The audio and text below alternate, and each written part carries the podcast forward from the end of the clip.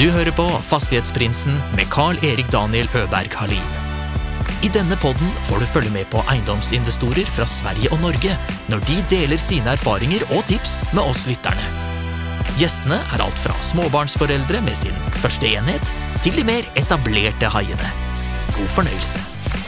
Veckans gäst är börs-VD för Diös Fastigheter som är verksam i norra Sverige och har inriktat sig på fastigheter med hög direktavkastning. En väldigt spännande strategi när det är snack om i tiotals miljardklassen. Välkommen in Knut Rost! Tack så mycket. Vilken tur att vi att jag kunde träffa dig på eh, här i Oslo. Du har ju lite släktingar här som vi lyckades tajma ihop med.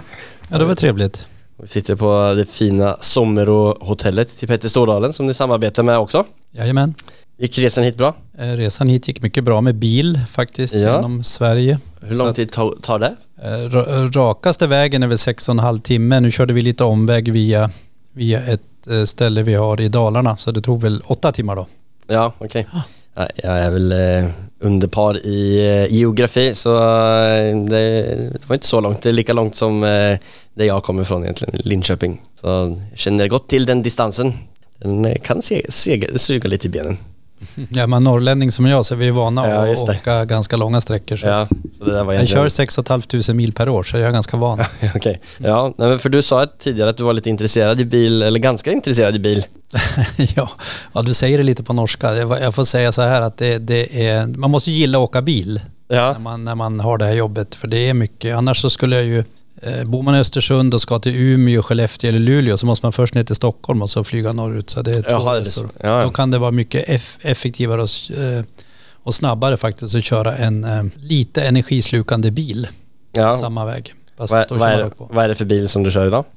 Eh, Vi har ju en, en eh, vår största ägare säljer ju Volvo, en av Sveriges största Volvo-handlare. Så vi kör Volvo med hybridmotorer. Ja. Har elbilarna kommit eh, och gjort sig synliga i, norr i Sverige ändå? Ja, o ja. Ja. Tittar du på Östersund till exempel som har ett stort inslag av norrmän från Trondheim och Tröndelag så Mm. är det väldigt mycket elbilar. Ja.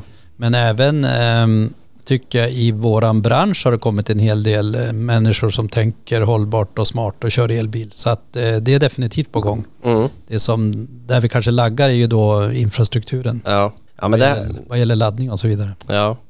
Men Knut Ross, du är ju VD för Diös eh, som är ett av Sveriges största fastighetsbolag och börsnoterat.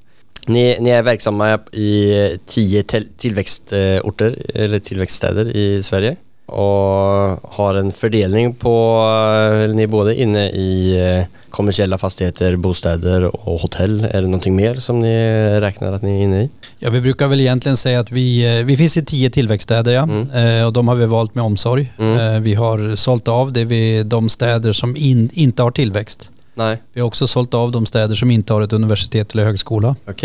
Eh, Vi är väldigt måna om att vi har eh, kommunledningar som är positiva, som vill något och faktiskt har satt ett tillväxtmål för, Mm. eh, för staden. Ja. Eh, Och vi pratar inte stadskärnor längre utan vi pratar staden. Mm. Vi finns i hela staden och därför brukar vi säga att vi jobbar med stadsutveckling och till viss del samhällsutveckling. Vad gäller beståndet som sådan så har vi varit, eh, så jobbar vi med lite fine-tuning nu. Okej. Vi kommer bli eh, ännu mer kommersiella. Vi, vi är ju specialister på kontor. Mm. Men vi vill verkligen bli eh, hyresgästens bästa vän när det gäller kontorslösningar. Ja. Och det är nu utmaning, för media skriver ju en sak och Ja. vi som jobbar med, med kontor dagligdags Mm. ska inte säga att vi ser något helt annat, men, men vi ser i alla fall trender och mönster som är väldigt spännande just nu som säkert kommer att gälla över viss tid i alla fall, det tror jag. Jag har jobbat inom eh, kontorsbranschen på en sida i 13 år så jag känner ju till den eh, ganska, ganska bra också. Hur ser ni liksom, vad, vad ser ni för trender så här nu? Eh, För jag tänker att du refererar till efter corona-situationen. Ja, vi kan, vi kan prata både före, un, under Ja. och efter corona. Den här Ja. typen av kriser ska man ju liksom på något vis ta vara på därför att det händer ju alltid någonting Mm. efter krisen som du säger. Ja. Eh, vi ser inte en tillstymmelse till att kontor skulle vara mindre attraktivt varken på investerarsidan Nej. eller på, på, på hyressidan. Mm. Eh, så vårat, eh, vårat kontorsbestånd växer. Mm. Det blir allt häftigare på det sätt- sättet att det blir högre och högre standard. Design är jätteviktigt. Det det har slagit oss på slutet faktiskt att det låter så självklart när man säger det men det är ingen som har pratat om det förut. En kontorsförhyrning eller attraktiviteten i att hyra ett kontor startar ju gatuplanet. Vad är det du kommer in till? Ja. Kommer du in en kall svart kakelvägg eller, Mm. eller, eller marmor? Mm. Eller kommer du in till någonting välkomnande som det kan vara på ett hotell till exempel? Mm. Det är ett av skälen till att vi jobbar väldigt mycket med Choice och Scandic faktiskt. Därför att Ja. de är extremt duktiga på att ge en ett varmt mottagande Ja. när man kommer innanför entrén. Ja. Och det här tror jag vi kontorsägare måste bli mycket bättre på. Ja. Så redan vid entrén, kanske till och med på utsidan, så startar det någon form av attraktivitetskänsla. Som sen måste växa hela, hela vägen in mot arbetsplatsen, lokalen, Mm. kaffemaskinen, Mm. toaletten och så vidare. Så att, eh, Det var en, en eh, skarp och väldigt intressant observation. eh. Det, det är ju sådana där saker som, som är små saker men som kan få väldigt stor påverkan på, som, som du säger, hela upplevelsen och sen som skapas vidare in i hela byggnaden. Eh, Men de här tio tillväxtstäderna som ni är på, det är i norra Sverige. Mm. Vart är, hur, hur långt ned är vi? Eh, Vi är i, jag vet inte vilket som är mest söderut, Borlänge eller Gävle. Det, Ja. Trots att jag är lantmätare så vet jag inte det. Men Nej. vi drar en gräns vid Borlänge-Gävle Mm. eh, och upp till Luleå. Mm. Och då är det in, inlandsstäderna i Östersund, Mora, Falun, Borlänge. Eh, och resten ligger vid kusten. Ja. Ja. Hur stora är de i snitt? Eller Ja, är det har- väldigt stor skillnad på antal Ja, har- inbyggare? Liksom? Ja, vi har 4-5 miljarder i fastighetsvärde i varje Mm. stad. Ja. Um, nej, 3-5. Mm. Eh, och eh, snittstaden har väl ja, 80 000 invånare plus minus. Mm. Störst är Umeå med Ja. ungefär 130 000 invånare. Mm. Och minst är väl Åre. Ja, ja Men, Åre. men Åre visar ju stadstendenser, alltså, eller stadstrender ska jag säga, med väldigt, väldigt stark inflyttning. Mm. Enorm brist på hyresrätter. Okej. Enorm brist på förskolor. Eh, så det är lite spännande. Den, jag får ju inte säga ort för min kommunikationschef, men det är ju en ort, det är ju ingen stad. Men Ja. den visar stads, stadstrender och eh, kanske visar ibland de starkaste stadstrenderna med väldigt stark inflyttning från, från storstäderna inte minst. Mm. Vad är det som attraherar eh, till exempel Åre, tror ni då? Eh, till att, eh, att det attraherar sig så mycket Ja, folk? förutom berget Ja. så tror jag att det finns, eller tror jag vet att det finns en entreprenörsanda där som är lite Silicon Valley-stuk. Okej. Det, det är sån otrolig Klondike med egenföretagare som, som eh, sitter i vårt House B som, är, som en coworking-enhet där uppe som går väldigt bra. Mm. Eh, det finns en hype kring Åre, kring berget naturligtvis, kring företagande Mm. kring någon form av fräsch attraktivitet i, i att folk vill någonting. Mm. Men, men det är klart att, att eh, em, skidåkningen och berget och friluftslivet eh, lockar. Mm. Och vi är ganska övertygade också om att just efter pandemin så, så har det ju kommit en trend som heter, eh, heter att man gör ett aktivt livsstilsval. Mm. Det vill säga att man flyttar till en stad eller en ort som, som har någonting som, som man attraheras av. Det kan ju vara universitet, det kan ju vara en, en, ett jobb som drar. Men mer och mer så märker vi att man drar mot eh, någon form av boendemiljö eller livskvalitet. Ja. För att det- det är lite mer möjligt att jobba lite mer flexibelt. Eh, Ja, och dessutom kanske det vik- det viktigaste av allt. Eh, om vi, vi, vi som äger mycket fastigheter i de här städerna kan se till att eh, unga människor kan hit, hitta ett ställe att jobba på och, och, och sitta på så behöver de ju inte pendla till Stockholm varje dag. Nej. Det kanske räcker att man åker dit en gång var tredje vecka. Mm. För det är fortfarande ganska många som pendlar med flyget, eh, åker ner på måndag morgon och kommer hem på torsdag kväll. Mm. Från hela Sverige in mot de större städerna och det gäller ju egentligen hela Europa. Mm. Men det känns lite förlegat ändå när, Ja. man, när man faktiskt kan bo kvar på sin attraktiva ort och, och jobba remote. Mm. I förhållande till eh, de kontorslösningarna som ni, som ni äger, är det mycket av det som är som coworking-areal eller är det eh, direktuthyrt till, eh, till konkreta företag? Ja, vi har ganska mycket coworking och vi är ju inte bundna vid någon förutom att vi har jobbat väldigt mycket med House B, men vi har ju andra också. I, i, i Gävle jobbar vi med DoSpace och så vidare som är väldigt, väldigt duktiga framåt. Men vi har ingen uttalad strategi att vi, vi ska ha en viss andel coworking, Nej. utan det får marknaden styra. Mm. Och är det så att eh, någon hyresgäst vill ha en coworkingyta eh, och hyra på lång sikt så, så säger inte vi nej. Nej. Tvärtom, det är ett väldigt bra komplement till det vi redan har. Ja. Vi ser ju också coworkingytorna som någonting man kan växa i. Ja, precis. Och sen naturligtvis hyra en större lokal hos oss Mm. på längre tid. Så Mm. i, I så mått så är det ju en strategi. Men, men vi driver, driver inga coworking-ytor själva. Nej, Nej Eh, okej.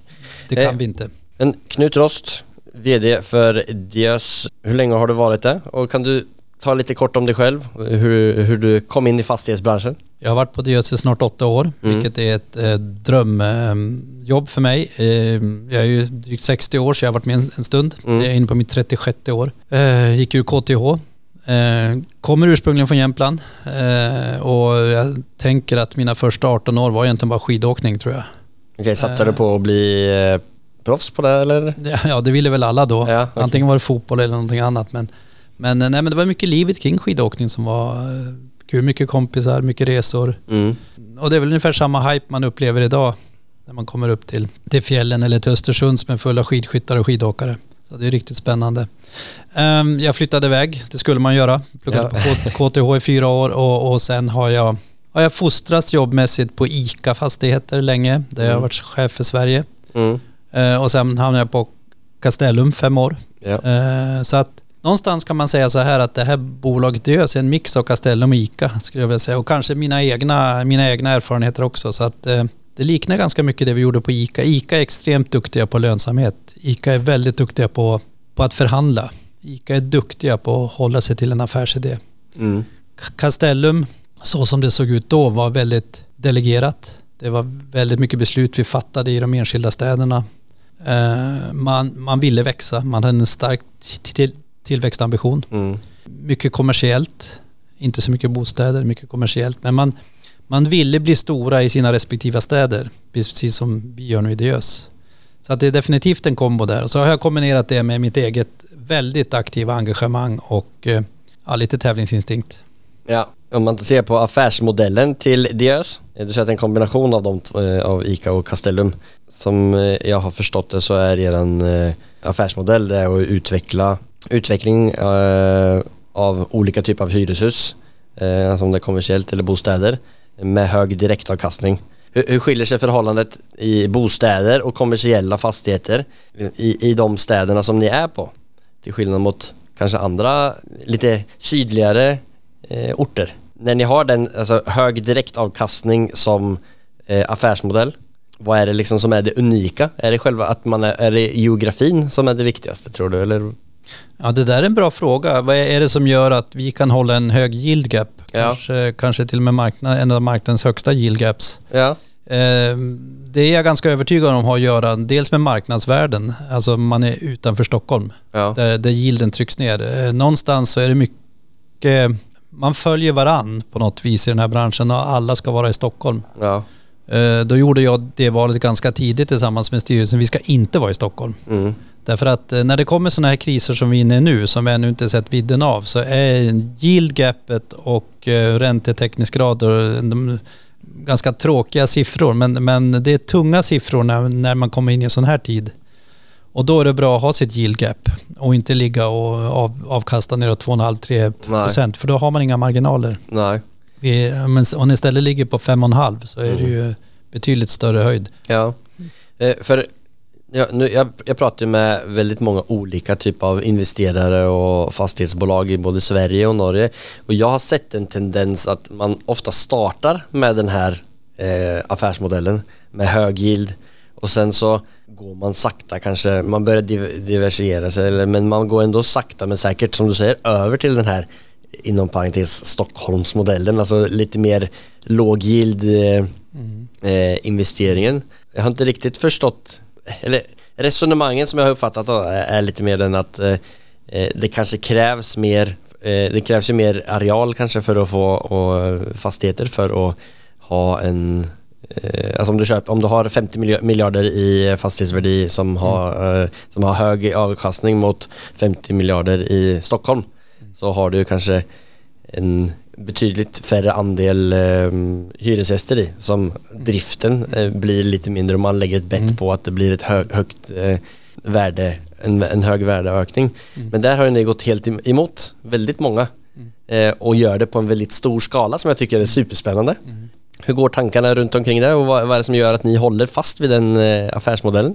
Fortfarande och, helt, och satsar ännu mer vidare på den. Ja, hel, när, du, när du ställer en, du ställer en väldigt lång fråga Ja, det egentligen, var det. och väldigt stor fråga, men den är jätteintressant därför att eh, jag är övertygad om att man, eh, om man är smart nog och hittar en affärsmodell, Ja. och för oss handlar moders, eller affärsmodellen om att vi har lokala team Mm. som gör alla affärer eh, i våra tio städer. Ja. De lägger inte jag mig i, mer än att jag peppar och, och, och liksom vi, vi sätter måltal och grejer. Men det är ju de som gör affärerna. Mm. Den delegationen är extremt viktig därför att om någon hyresgäst i Luleå, en stor hyresgäst i Luleå, an, andas om att de sitter för trångt eller att de sitter för stort, de sitter fel och så vidare. Då vet vi om det två sekunder efteråt. Mm. Sitter man någon annanstans i världen och ska ratta det bolaget som Mm. har en sån hyresgäst, då är man tvåa på bollen. Ja. Och vi, eh, vi höll på att säga, det är nästan så att jag vill vara före hyresgästen Mm. och förstå det. Det var det jag startade med, att jag Mm. vill ha den här kontorskunskapen Mm. Mm. som gör att vi kan ligga i framkant och in, inte erbjuda hyresgästerna för stor yta. Nej. Utan eh, se till att erbjuda exakt den kvalitet de vill ha eh, och eh, ö- överträffa deras förväntningar. Det är ju klassiskt liksom säljspråk. Ja. Eh, men göra det över tid. Och det är en utmaning därför Mm. att vi orkar inte med allting heller hela tiden utan vi, vi, vi försöker också bli bättre. Men de lokala teamen är Mm. The main thing Mm. tror jag för att man ska, ska orka hålla ihop en affärsmodell. Sen svaret på resten av din långa fråga är egentligen att om du bestämmer dig för en affärsmodell Mm. där ett högt yield gap eh, är, eh, är väsentligt Ja. och viktigt. Dels för att klara av kriser men även att le- leverera avkastning till våra Ja. aktieägare. Vi har ju Ja. 25 000 aktieägare. Ja. Eh, Då håller du till den affärsmodellen. Gör inga avsteg. Nej. Inga avsteg alls. Nej. Och här har du kanske det viktigaste för en VD. Eh, Vi VD ser nog inte stressade ut jämt, det, det tror jag inte. Men vårt viktigaste jobb varenda dag, det är på ett väldigt tydligt sätt både kunna säga ja och nej som leder i, i riktning mot målen. Aldrig vika av från målen. Nej. Det låter lite tråkigt men det är Mm. inte tråkigt för man bestämmer sig istället för att man ska bli jäkligt bra på det man gör. Mm.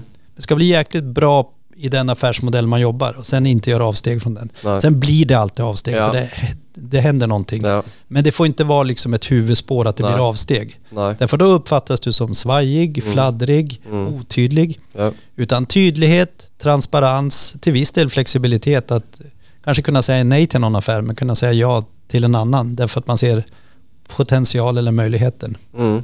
Där har du det. Ja, det är ett väldigt bra svar. Det där eh, kan jag stryka under på att det är extremt viktigt. Det är många andra som jag har pratat med som säger det med. Alltså hur viktigt det är att vara fokuserad på, på det målet. Alltså ska du bli bättre och utvecklas och bli bäst så, så är det viktigt att inte avvika från, eh, från sitt mål. Om vi, om vi går tillbaka till, jag tycker det är väldigt intressant det här med kontors, eh, kontorsspåret. Ni var, ni var ungefär 60% av er portfölj Mm, ungefär, är ungefär eh, 900 kontor. 000 kvadrat. Ja, det är en liten, eh, liten kvadratmeterspott. En liten nätt portfölj. Ja. Mm. Hur skiljer sig liksom, yield i kontor mot, eh, mot bostäder för exempel? Ja, tittar vi innan den här eh, inflationskrisen kom med ränteökningar och så vidare så var det säkert eh, en och en halv, två procentenheters skillnad. Ja. Det vill säga eh, om jag avrundar rejält så säg att bostäder i våra städer, vi, vi finns ju bara centralt också Mm. än, än så länge. Nu sväller vi lite utåt men vi finns egentligen bara centralt. Och då ligger kanske låg, låg kanske eh, yielderna för bostäder på 3,5 kanske. Mm. Och bostäder låg mellan 5, 4, 9 upp, upp till 5,5. Mm. Det fanns exempel på där vi var ända ner på 4,2, 4,3 men inte vi. Nej. Utan eh, vi kunde nog tänka oss att kanske förvärva på 4, 8 och 5. Där det finns potential i, i kommersiella fastigheter. Mm. Men ungefär 1,5 till 2 procents skillnad. Mm. Men hur kommer det sig att ni, alltså så, så kontor är högre yield? Ja, Ja. risken är ju högre med kontor i och med att du, du, du kanske bara sitter tre år och så, så Mm. flyttar du. Och Mm. det är precis det som är vitsen. Kan man, kan man förlänga durationen i enskilda hyresgästers avtal och i, inte bara i ett avtal utan när det ska förlängas, Mm. då är man ju en vinnare. Om Mm. man har dessutom hamnat rätt i kronor per kvadratmeter och så vidare. Mm. Så det är viktigt att man lever väldigt nära de kommersiella hyresgästerna. Mm. Bostadshyresgästerna, de, de kommer på ett sätt ändå. Mm. Eh, Det finns ju jättelånga köer. Vi har ju spaltmeterslistor med folk som vill hyra. Okej. Mm. Eh, Så att eh, det är liksom en annan, det är en annan affär. Mm. Däremot de kommersiella delarna som, som handlar om kontor, till viss del handel, men även hotell, gym, häls, hälsovård och, och, och, och, den, och de delarna. Det ser lite annorlunda ut. Hur lägger ni till rätta för den här nya tiden inom kontorsbranschen? Alltså hur snackar ni med hyresgästerna och hur eh, är ni med och försöker komma med inspel eh, på hur lokalen ska utformas eller hur man ska använda den i, idag? För det är ju den, eh, det, det jobbet som jag har till vanligt eh, jobbar ju med, den, alltså med själva den hyresgästen som flyttar in i lokalerna. Och där, där är man ju mycket dialog med vilket behov och hur ska man jobba nu som efter coronatiden. Mm. Folk som möblerade sina kontor mm. i 2019 mm. Mm. mm. kanske ser över sina, mm. okej okay, vi hade 500 kontorsplatser, vi kanske behöver 250 eh, och kanske 20 extra möterum istället. Är det någonting som ni ser också utveckling på? Eller vad jag, ska, jag ska svara lite ödmjukt ja. Eh, och säga så här, jag tror vi alla har mycket att lära fortfarande. Mm. Väldigt mycket att lära. Och, jag, eh, och inte minst nu sitter vi på det här hotellet. Nu jag hade en träff med, med Petter och Torger igår som är jätteduktiga på det här. Mm. Eh, jag tror vi har väldigt mycket, ta bort tror, jag vet att vi har ja. jättemycket att lära från andra som jobbar med flöden av människor och, mm. få, och få människor att känna sig välkomna. Mm. Direkt när man kommer in på det här relativt ny, nyetablerade hotellet så möts man av en värld som mm. står innanför dörren. Mm. Varför har inte vi så? Mm. Varför kommer man inte in i en lokal där man, med lite humor, där, där man känner sig värd? Mm, ja. Alltså man kommer in och blir sedd. Väldigt många kontor, extremt många kontor, de flesta kontor, eh, där, där, där är en låst dörr och det kan det väl vara i och för sig. Eh, och så sitter det ingen bakom disken eller, och varför ska man sitta bakom en disk? Varför mm. ska man inte stå upp mm. på en pulpet och ta emot med hela sin själ och kropp? Mm. Eh, det är mycket där att lära och var, varför har vi en ganska kall miljö på alla våra kontor? Jag skulle tippa att 95% av alla kontor har vitmålade väggar. Mm. Vem bestämde det mm. någon gång? Vem vill ha bara vitmålade väggar? Ja, det är ju könlöst som bara hitta på den lokal vi sitter i nu.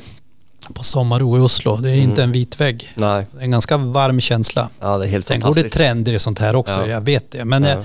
jag, jag, tycker om att provocera fram ja. den här typen av eh, svar och frågor.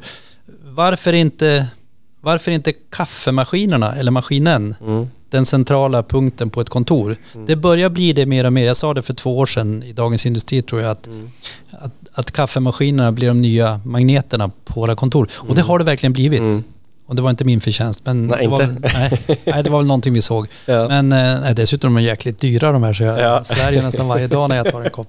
Jäkla dyrt. Ja. Men nej men alltså det, det, det finns så mycket att göra som, ja. som gör att medarbetarna um, känner sig attraherade av sin arbetsgivare när man kommer till jobbet varenda morgon. Mm. För folk måste komma tillbaka till jobben på morgonen och gå hem på eftermiddagen, kvällen, kanske sitta hemma någon dag. Det, mm. det har ingen betydelse. Men vi bygger ingen affärskultur om folk Nej. sitter hemma. Vi Nej. bygger affärskultur, vi bygger gemenskap, vi bygger någon form av jobbkärlek när vi, när, när, när, när vi ses på jobbet. Mm. Och det här vill vi arbeta mycket, mycket mer på Diös. Mm. Ta en liten, eh, ett litet eh, inspel från Sju snabba frågor. Okay. En liten blandning av eh, eh privat och eh, eller den mest privat faktiskt. Eller lite mer inriktat mot dig då. Okej. Okay. Är du klar? Mm, jajamän. Hockey eller fotboll? Fotboll. Nybygg eller utveckling av gamla bygg? Omöjligt för mig att svara på det, men utveckling av gamla bygg. Fjäll eller strand? Fjäll. Bil eller båt? Bil och båt, mest bil.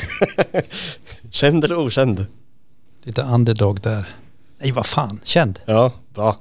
Funkis eller sekelskifteshus? Uh, sekelskifte. Stockholm eller, Norr eller Norrbotten? Åh, oh, vad taskig du är. Mm. Nej, just nu säger jag Norrbotten. Ja. ja, men då fick du många pluspoäng. ja, men det var inte därför jag svarade. Nej. Men det är ju, vi lever ju i en, i en, det är så spännande med norr nu. Det är ju inte bara Norrbotten utan Nej. egentligen hela den region vi jobbar i där, där um, Northvolt med sina batterifabriker ja, finns, i, finns i både Göteborg, mm. Västerås, Borlänge, Skellefteå och till viss del Stockholm. Um, och det kokar ju där uppe. Mm. Nu finns det ju många förståsigpåare och, och pessimister som säger, men kommer allt det här att bli av? Och speciellt äldre då. Ja äldre män i min ålder som är liksom väldigt tveksamma. Men det kommer igång. Mm. Två miljarder är klara där och mm. Renewcell som återvinner jeans i Sundsvall är igång. Synsamma flyttar hem sin produktion till Östersund. Um, Northvolt bygger så det knakar och skriver avtal med den ena bil, biltillverkaren efter den andra. Så mm. det kommer, det kommer som bara den och det kokar verkligen i våra tio städer. Vad är det som gör att just de städerna eh, attraherar sig mycket av till exempel sådana batteriutvecklare eh, eller IT-företag och... För att Diös har skapat en stad? Ja. Nej, jag skojar lite. Ja. Delvis är det det, det vill ja. säga att vi tillsammans med kommunen, tillsammans med kollegor, tillsammans med, med andra, vad ska man säga, stadsbyggare mm. har, har jobbat med stadsutveckling, vilket gör det möjligt för de här industrierna att faktiskt etablera sig. För finns det inte folk, finns det inte en inneboende kraft i de här städerna. Ett levande centrum, eh, en, en, ett levande externcentra, det behövs i alla städer, man kan inte ha alltid centrum. Det är en dynamik i staden som fungerar. Vi brukar säga att vi möjliggör mm. för de här stora industrierna att kunna etablera sig. Vi har ju kontakt med allihopa, med SSAB och med Northvolt, alla de här, eh, plus alla kommunledningar. Och en stor del av framgången för de här bolagen är att vi har kommunledningar som verkligen vill mm. och som har bestämt sig för att växa. Så vi har definitivt en del av det, men det är många som, som, ehm, som samarbetar för att det här ska bli bra. Inte minst de duktiga kommunledningarna. Mm. Alltså, när jag startade den här podcasten, eller min generella, eh, mitt generella lite större intresse för fastigheter och fastighetsinvesteringar. Så när jag lyssnade på eh, intervjuer eller läste intervjuer och eh, pratade med andra folk så, som driver stora bolag som du, så zoomar jag alltid ut när man börjar prata om så här stadsutveckling och den här nivån. Men desto mer jag har lärt mig nu så förstår jag ju den dynamiken, hur, hur viktigt det är. Alltså det är för att man opererar på en så pass stor skala om du mm. utvecklar två, tre parhus mm. i, i en miljö eller tio parhus så, så, är det, så måste man ju på, no, alltså på, ett, på en skärpunkt så, så måste man ju börja tänka okej okay, hur ska jag få in hyresgäster eller eh, köpare till mina mm. fastigheter som jag håller på att utveckla. Mm. Eh, och då är ju den dynamiken, samarbetet med alla lokala aktörer och eh, potentiella stora ja, du, utvecklare essentiellt egentligen. Du pekar på något väldigt viktigt här. Eh, en del jobbar med fastighetsutveckling, ja. det vill säga man bygger ett antal parhus, man kanske mm. bygger ett enda kontorshus. Mm. Eh, då, då har du liksom ut, utvecklat den fastigheten. Du, mm. kan tjäna 10-20 miljoner.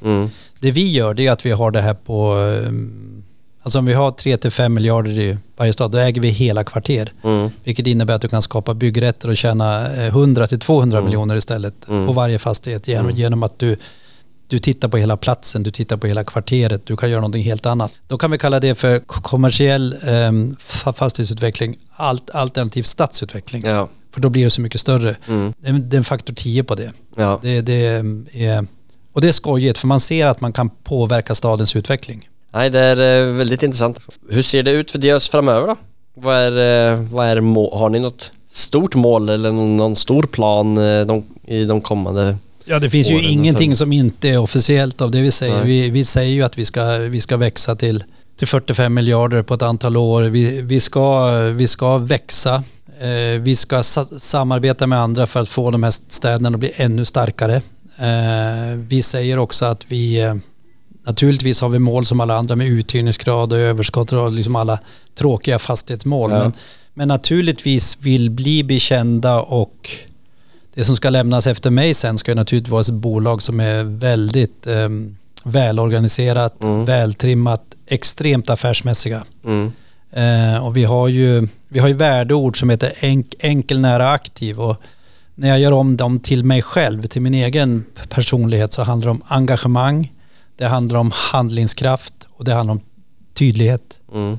Precis det jag pratade om, som vd så måste du vara tydlig, du måste peka i rätt riktning och se till att ingen annan pekar i någon annan riktning Nej. för då kan du dra iväg nästa. Då blir det som du sa förut, då kan man mm. bli ganska spretig. Mm. Då hade vi varit nere i Tyskland och hållit på också ja. antagligen. Ehm, men eh, engagemanget, både i bra tider och dåliga tider så måste jag ärligt, för mina medarbetare, vi har jobbat ihop så många år nu, de ser igenom mig direkt. Är jag engagerad så är det för att jag vill något. Mm. Och då hakar nästan alla på direkt. Det är jättekul. Ak aktivitet, det betyder inte att man snackar inte bara utan man gör. Mm. Och bättre, bättre göra lite fel än ingenting alls. Vi har ett saying i bolaget som är KBK, det har du säkert hört nu, det hör alla.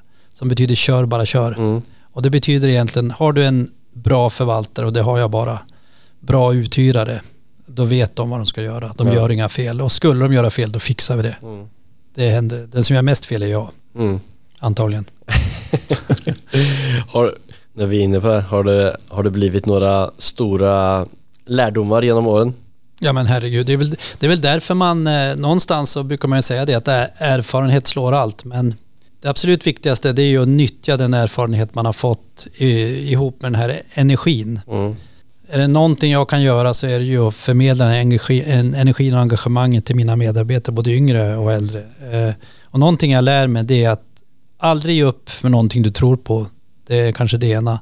Och sen, du gör ju fel ibland. Mm. Men se för fan till att rätta till det då. Ta hjälp av några stycken och rätta till det. Alla köp vi gjort har inte varit klockrena. Nej. Och, och då får man, eh, oft, oftast handlar det om småpengar. Och då får man rätta till det och så får man skrapa lite med foten. Men det vart inte så bra, det var mitt fel. Men vad fan, nu kör vi. Mm. Och så blir det ofta något bra av det. Man måste vara ödmjuk inför de fel man gör. Man måste vara ödmjuk inför det bra man gör också. Man ska inte låta bli att tala om det. Men det, är oftast inte man själv som gör någonting. Utan det är någon annan som har gjort någonting bra som, Mm. som jag kan surfa på. Ja. Man får vara Det är bra att ha bra eh, anställda låter det som. En av de saker som jag nog är bäst på det är att om, omge mig med bra folk och, och, och att tala om det. Det vill säga, då kan man tycka, jaha du är en smörare, du går runt och bara klappar folk på axeln. Ja det gör jag faktiskt, när de förtjänar det. Mm. Om de inte, inte förtjänar det får, får de höra det också. Men jag är så pass tydlig och rak så att eh, jag har med livet lärt mig att eh, tydlighet, rakhet, men en jäkla portion schyssthet. All, alla dagar är inte bra. Nej. Men det måste vara kul att gå till det här jobbet. Och det säger jag till mina medarbetare också. Tycker du inte att det är kul, ta en annan buss då. Mm. Ta ett annat jobb. Mm. Och vill du inte jobba så ta en paus då. Det är dumt att komma till det här jobbet när jag har så mycket engagemang Ja. och vilja och så, eh, så faller min en, energi på, på platt sten. Liksom. Det funkar inte. Utan jag måste ha folk omkring mig som har samma energi som jag. Och det har jag. Mm. Ja, jag känner din energi är väldigt eh, skön och harmonisk. Jag hade, hade velat jobba för dig. Det hade varit, eh, Tack. hade varit väldigt Då får du flytta hem till Sverige igen. Ja, det får jag göra. Och flytta norrut. Välkommen.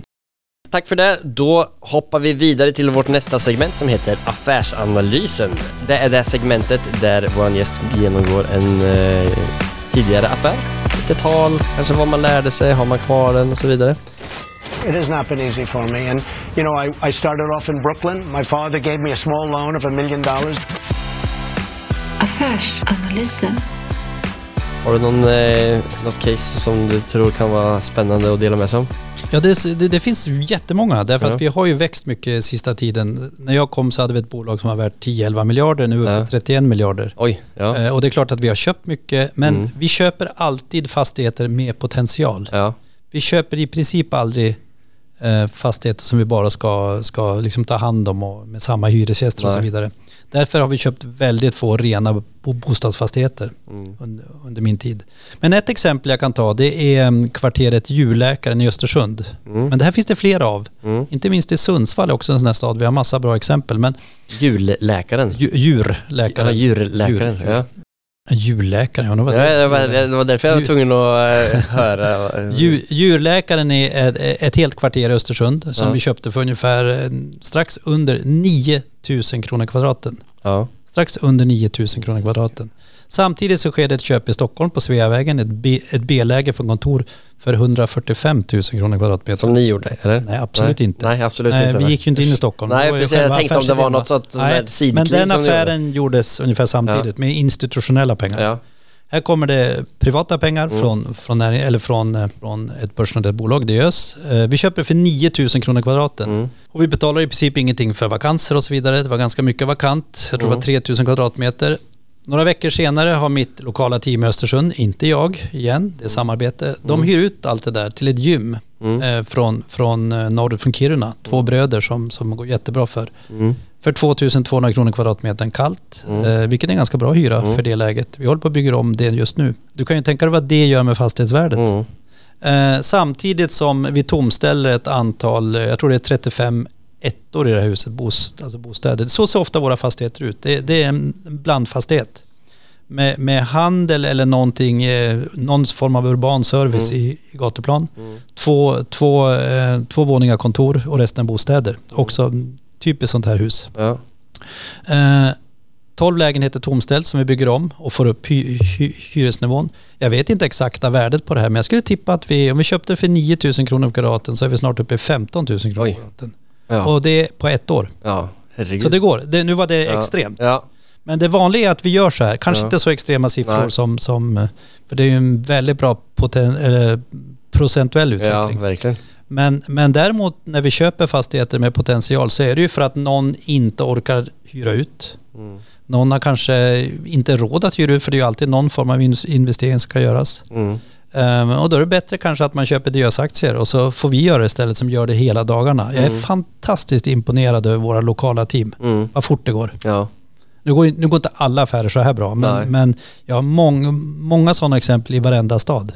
Är det så att man bearbetar potentiella hyresgäster? Eh, liksom hur går den där dynamiken till?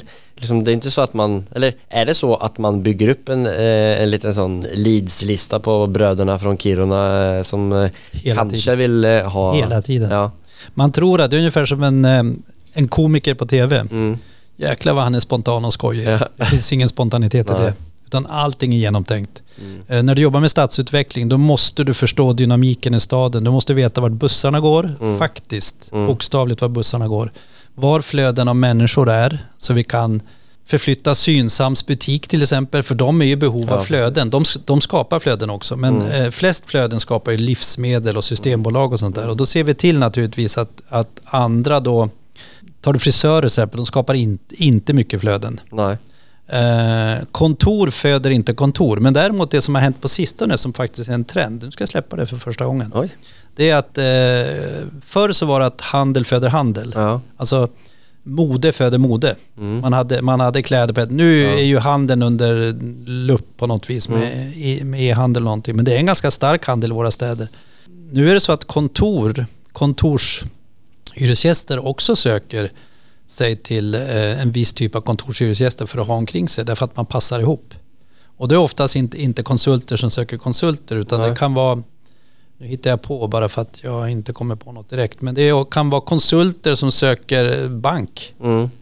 Eh, bank sitter gärna med, med försäkringsrådgivare. Mm. Den typen av kombination, jag vet inte om det var något bra exempel. Ja, men, nej, men- men man söker andra kombinationer. Förstår. Och det är det här jag menar med kontorskompetens. Det är det vi måste lära oss. Mm. För oftast vet inte kontorshyresgästerna det här själva. Nej. Men det är lite spännande. Ja. Nej, det är väldigt spännande. Intressanta, intressanta trender och observationer. Tack så jättemycket för den eh, väldigt eh, intressanta affärsanalysen som eh, egentligen det hela mitt, det, här, det som jag är imponerad av er eh, att ni gör den här affärsmodellen i så stor skala. Att ni fortsätter att göra den och att ni eh, går igenom den är väldigt, eh, väldigt spännande. Då joggar vi vidare till vårt sista segment som heter Fyra frågor. Det är de fyra samma frågorna som vi ställer våra gäster.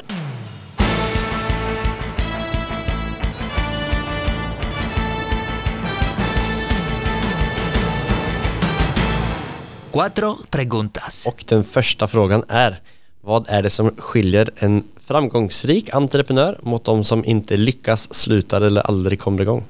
Vilken fråga. Det var, det var ja, en jäkla bra fråga. Det finns säkert doktorsavhandlingar på det här som svarar bättre än vad jag gör. Eller i alla fall mer, mer ehm, eh, undersökt. Jag skulle säga att en entreprenör är en person som har och ger mycket energi. Mm, Det är det första. mm, Jag är helt säker på att en entreprenör eller en affärsman som lyckas, om vi pratar om det också samtidigt, det är en person som vill samarbeta. Det finns ju, när jag växte upp så sa man, och till och med långt innan mig så sa man ensam är stark. Det är det Mm. dummaste jävla uttryck jag har hört. Mm. Ingen är stark ensam. nej. Utan tittar du på Petter Stordalen, tittar du på många av våra fastighetsentreprenörer så har de lyckats därför att de, de samarbetar med någon. Ja. Ehm, så att samarbete, energi, engagemang, vilja, det kan gå för detsamma. Och sen att man faktiskt, jag tror inte man kan attrahera människor idag om du inte har något brinn. Och Mm, med brinn så menar jag någonting som är utöver ehm, själva affärsidén. Det, det kan vara allt, allt ifrån att skapa en bättre värld mm, eh, till, till att faktiskt ha en hållbar lösning som folk, folk attraheras av. Man måste ju, man måste ju sälja in någonting. Det kommer ju en massa olika appar och program och många ung, unga människor just nu som kommer med mycket, mycket egentligen dataprogram, datorprogram Mm. som är app, appstyrda som eh, vi storföretag kan ha väldigt mycket nytta av. Så engagemang, vilja, en bra idé, samarbete eh, och eh, ett brinn. Mm. Väldigt bra svar. Andra frågan. Om alla fastigheter var tillgängliga för dig, om pengar inte var motivationen, vilken fastighet hade du förvärvat och varför? Det är lite sån fluffig fråga. Ja, jag har fått den frågan förr och då Ja. vill man att man ska säga slottet i Stockholm. Är det det man vill? Ja. Ja, eller det är många som säger det, men slottet 1 eller vad kan det heta? Eh, privat skulle jag nog säga någon skogsfastighet, ja. därför att eh, det står över tid. Mm. Men i mitt jobb så skulle jag inte ha något emot att äga fler vackra hus i Sundsvall. Mm. Om pengar inte var något, för de är Mm. väldigt dyra att underhålla nämligen. Ja. Eller också så skulle jag vilja ha rådhuset i Östersund. Det är nog norra Sveriges vackraste byggnad. Okej, det måste jag skriva upp. Så ska jag se på den. Den, har, Mm. den känner jag inte till. Om du har något bra boktips för en som är intresserad i fastighetsinvesteringar?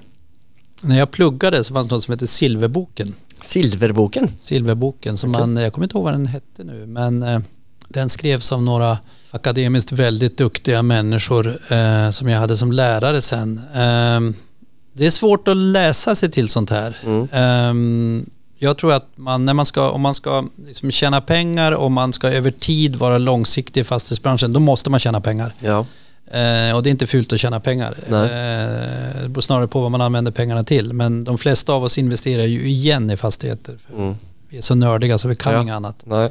Då tror jag det handlar om att det är livets hårda skola. Det finns ingen riktigt bra bok. Möjligen är Silverboken en bok som man skulle ha som grund för att lära sig om av, avkastning på totalkapital och alltså på en akademisk nivå. Mm. Ja. Men det är den bok jag har haft mest nytta Mm. av. Eh, Men annars är det mycket learning by doing och, eh, och lära sig från de som har både gjort misstag och gjort det bra. Mm. Ja men tack så mycket. Sista, kanske den viktigaste frågan här i eh, podden. Nämn det mest storartade, roliga eller minnesvärda sättet som du har firat en genomförd affär på. Oj, jäklar vad taskigt för det här är det jag är sämst på. Jag får så mycket skäll. Jag ska Ja. berätta en rolig historia. En, Ja. Några år sedan så gick det så jäkla bra för oss i maj och juni och jag skrev till alla med. Jag är på direkt. Jag sa ju, alldeles nyss så sa jag att jag är duktig på att ge, ge, ge positiv feedback. Och jag Ja. skrev eh, ehm, grattis, vad bra jobbat, trevlig sommar. Det var copy and paste. Jag skrev det till kanske 20 stycken som gjorde bra uthyrningar. Så Mm. till slut så säger mina medarbetare, Knut, nu får du lägga av.